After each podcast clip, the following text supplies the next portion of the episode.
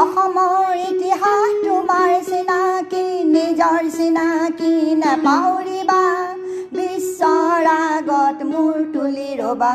শুনা শুনা ভাই অসম বুৰঞ্জী। আইতা অসমৰ নামটোনো কেনেকৈ হ'ল? অঁ অসম নামটো নহয়। যোৱা আগতে যোৱাবাৰ মই তোমাক কৈছিলোঁ নহয় কেনেকৈনো অসম ডাঙৰ দীঘল হ'ল কেনেকৈনো একদম পানীৰ তলত আছিল ভূমিকম্প আদি কাৰণে কি হ'ল লাহে লাহে পাহাৰ হ'ল পৰ্বত হ'ল কৈছিলোঁ নহয়। তেনেকৈ মানে অসমখন তাৰমানে কি হ'ল অসমখনতো সমান নহ'লে ক'ৰবাত পাহাৰ ক'ৰবাত তাতকৈ ওখ পৰ্বত হ'ল ক'ৰবাত নদী হ'ল হা? গতিকে অসমখন অসমান হৈ থাকিলে।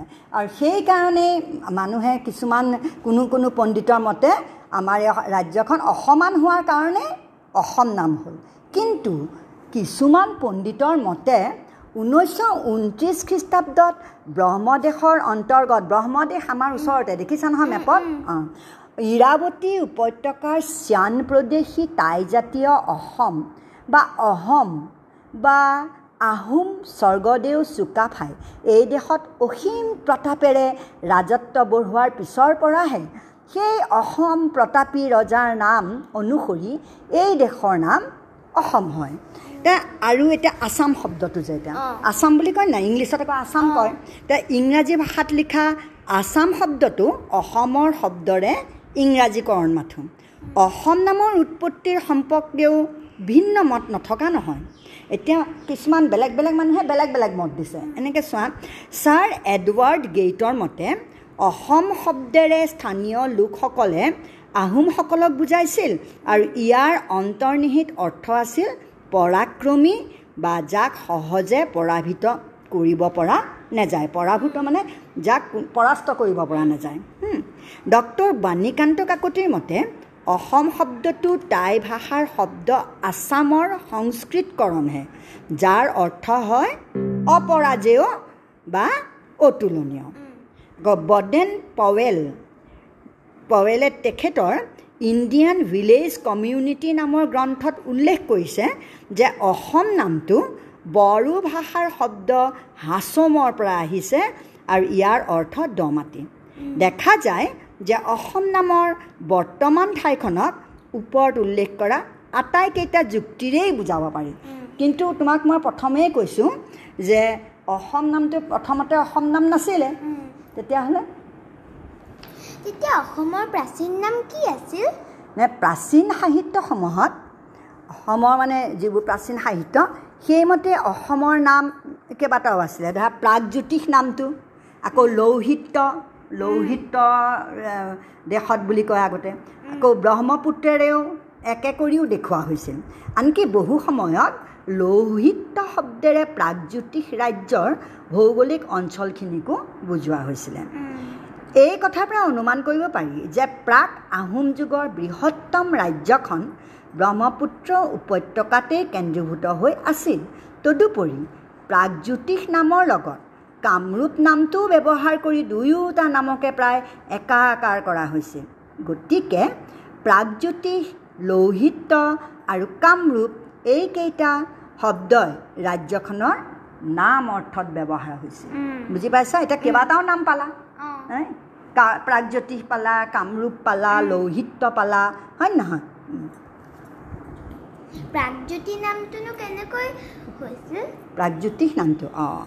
প্ৰাগজ্যোতিষ নামৰ উৎপত্তিৰ বিষয়েও আকৌ বিভিন্ন পণ্ডিতৰ বিভিন্ন ধাৰণা দেখা যায় হুম। প্ৰত্নতাত্ত্বিক ৰাজমোহন নাথৰ মতে প্ৰাচীন চীনদেশীয় চাও থিয়াছ নামৰ এক প্ৰব্ৰজনকাৰী জাতিৰ এটা অংশই এই ঠাইলৈ আহি বসবাস কৰিবলৈ লোৱাৰ পিছত এইসকল লোক প্ৰাগজ্যোতিষ নামে জনাজাত হয় আৰু তেওঁলোকৰ নামানুসাৰে পিছত এই অঞ্চলৰ নাম হয় প্ৰাগজ্যোতিষ আকৌ ডক্টৰ বাণীকান্ত কাকতিৰ মতে প্ৰাগজ্যোতিষ অষ্ট্ৰিক ভাষাৰ শব্দ। ইয়াৰ অৰ্থ বিস্তীৰ্ণ পাহাৰীয়া অঞ্চল। আকৌ সাক্ষায়ন গৃহ সংগ্ৰহ নামৰ পুথিত ইয়াক প্ৰাচ্যৰ জ্যোতিষ চৰ্চাৰ ঠাই বুলি উল্লেখ কৰিছে আৰু সূৰ্য পূজাৰ দেশ হিচাপে পবিত্ৰ স্থান বুলি জ্ঞান কৰা হৈছে।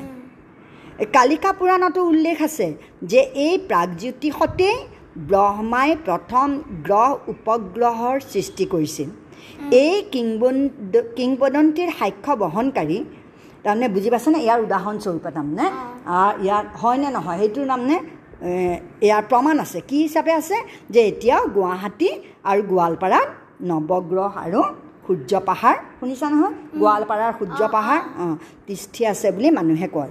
এতিয়া অনুমান কৰিব পাৰি যে প্ৰাগজ্যোতিষ নামটো অসমত প্ৰচলিত আন বহুতো সংস্কৃতিত নাম বা শব্দৰ দৰেই কোনো থলুৱা বা জনজাতীয় মূলৰ। আৰ্য সংস্কৃতি বিস্তাৰৰ সময়ত সেই মূলকে সংস্কাৰ সংস্কৃতায়ন কৰি জ্যোতিৰ্বিদ্যা চৰ্চাৰ লগত জড়িত কৰা হৈছে আৰু মঠ মন্দিৰ বা পৰ্বত পাহাৰ একোটাক সেই নামেৰে পৰিচয় কৰিবলৈ বিচৰা হৈছে। এতিয়া চাওঁ প্ৰাগ জ্যোতিষ। প্ৰাগ মানে আগৰ জ্যোতিষ মানে জ্যোতিষ চৰ্চা। হা? জ্যোতিষ মানে জানা এতিয়া আমি কাৰোবাৰ কাৰোবাৰ এটা যেতিয়া জন্ম হয় তেতিয়া জ্যোতিষ চোৱায় জ্যোতিষীৰ ওচৰত। এতিয়া জ্যোতিষ চৰ্চাটো আমাৰ অসমত প্ৰথমৰ পৰাই আছে বুলি কয়। সেইকাৰণেও ইয়াৰ নামটো প্ৰাগজ্যোতিষ বুলি কয়। আইতা। কামৰূপ নামটোনো কেনেকৈ হ'ল? অঁ এতিয়া ঠিকেই সুধিছা তুমি দেই। এতিয়া ধৰা এতিয়া খ্ৰীষ্টীয় চতুৰ্থ শতিকামানৰ পিছৰ পৰা এই কামৰূপ নামটো প্ৰাগজ্যোতিষ নামৰ লগত কেতিয়াবা একেলগে আৰু কেতিয়াবা স্বাধীনভাৱে ব্যৱহাৰ হোৱা দেখা যায়। আৰু এতিয়ালৈকে আৱিষ্কৃত হোৱা প্ৰাচীন তথ্যসমূহৰ ভিতৰত আমি এই কথাবোৰ ক'ৰ পৰা জানো মই অহাবাৰ তোমাক ক'ম কিন্তু দেই কেনেকৈ কেনেকৈ আমি এইবোৰ গম পাওঁ। এতিয়া ইয়াত কি কৈছে যে গুপ্ত সম্ৰাট সমুদ্ৰগুপ্তৰ এলাহাবাদৰ বিখ্যাত স্তম্ভলিপিত কামৰূপ নামটো প্ৰথম খোদিত কৰা দেখা যায়। তাতো আমাৰ এলাহাবাদত খোদিত হৈ আছে কামৰূপ নামটো। আকৌ ঐতিহাসিক কালৰ সংস্কৃত সাহিত্যৰাজিৰ ভিতৰত সৰ্বপ্ৰথমে কালিদাসৰ ৰঘুবংশ নামৰ গ্ৰন্থতে কামৰূপ নামটোৰ ব্যৱহাৰ কৰা দেখা যায়। যি কি নহওক খ্ৰীষ্ট দ্বাদশ ত্ৰয়োদশ শতিকামানলৈকে এই কামৰূপ নামেৰেই প্ৰাচীন ৰাজ্যখনত জনা গৈছিল। অসমখনত কামৰূপ নামেৰে জনা হৈছিল। তাই ইয়াৰ আকৌ আৰু সাধু আছে শুনিবা। বৰ্তমান কামৰূপ জিলাৰ নামটো সেই প্ৰাচীন কামৰূপ নামেৰে নামৰে এতিয়া যে কামৰূপ যে জিলাখন এই প্ৰাচীন কামৰূপ নামটোৰে সেইটোৱে অৱশিষ্ট আছে। এই কামৰূপ নামটো অনাৰ্যমূলৰ পৰাই উদ্ভৱ হৈছে বুলি গৱেষকসকলে মন্তব্য কৰে। গোপথ ব্ৰা- ব্ৰাহ্মণত লিপিবদ্ধ কৰা কাহিনী মতে এই কাহিনীটো শুনিবা এতিয়া। শিৱৰ দাবানলত মানে শিৱৰ দাবানলত মানে শিৱৰ শিৱই যেতিয়া মানে হেৰি কৰি আছিলে তপস্যা কৰি আছিলে অঁ। তপস্যা কৰি থাকোঁতে কি হ'ল? কামদেৱ আহিলে। কামদেৱে তপস্যা ভংগ কৰিবলৈ আহিলে। কামদেৱ হৈছে প্ৰেমৰ দেৱতা। কামদেৱে যেতিয়া তপস্যা ভংগ কৰিলে তেতিয়া একদম শিৱৰ খং উঠি পেলাই শিৱৰ আকৌ তিনিটা চকু আছে ন? তিনি নম্বৰ চকুটো একদম মানে মেল খাই গ'ল আৰু তাৰ পৰা জুই ওলাই পেলাই কামৰূপক মাৰি পেলালে তাৰমানে জ্বলি গ'লগৈ। অঁ ভস্ম কৰিলে। পিছত অৱশ্যে শিৱৰ ইচ্ছাতেই তেওঁ পুনৰ জীৱন লাভ কৰে। সেইকাৰণে প্ৰাচীন প্ৰাগজ্যোতিষৰ নাম কামৰূপ হয়। তাৰমানে কি বুলি ভাবে? যে ইয়াতেই পুনৰ জন্ম পায় এই অসম দেশখনতেই। সেইকাৰণে ইয়াৰ নামটো কি হৈছে? কামৰূপ হৈছিল। তাৰমানে কাম কামদেৱে পুনৰ ৰূপ পালে পুনৰ আকাৰ পালে। বুজি পাইছা? তাৰপিছত ডক্টৰ বাণীকান্ত কাকতিৰ মতে কামৰূপ শব্দটো মূল চান্থালী কামৰু। বা কামৰুট। কামৰুটৰ পৰা আহিছে যাৰ অৰ্থ যাদু বা প্ৰেতাত্মা আহ্বান কৰা বিদ্যা। মানুহে কি কয়? অসমলৈ আগতে মানুহ দুনুহ নাহে কেলে তাত যাদুৰ টনা কৰা হয় যাদুৰ দেশ বুলি কয়। হা? যাদুৰ পৰা আহিছে বুলি কয়।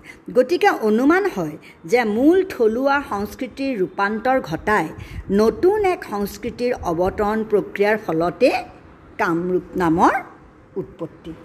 বুজি পাইছেনে? কামৰূপ নামৰ উৎপত্তিটো কেনেকৈ হ'ল?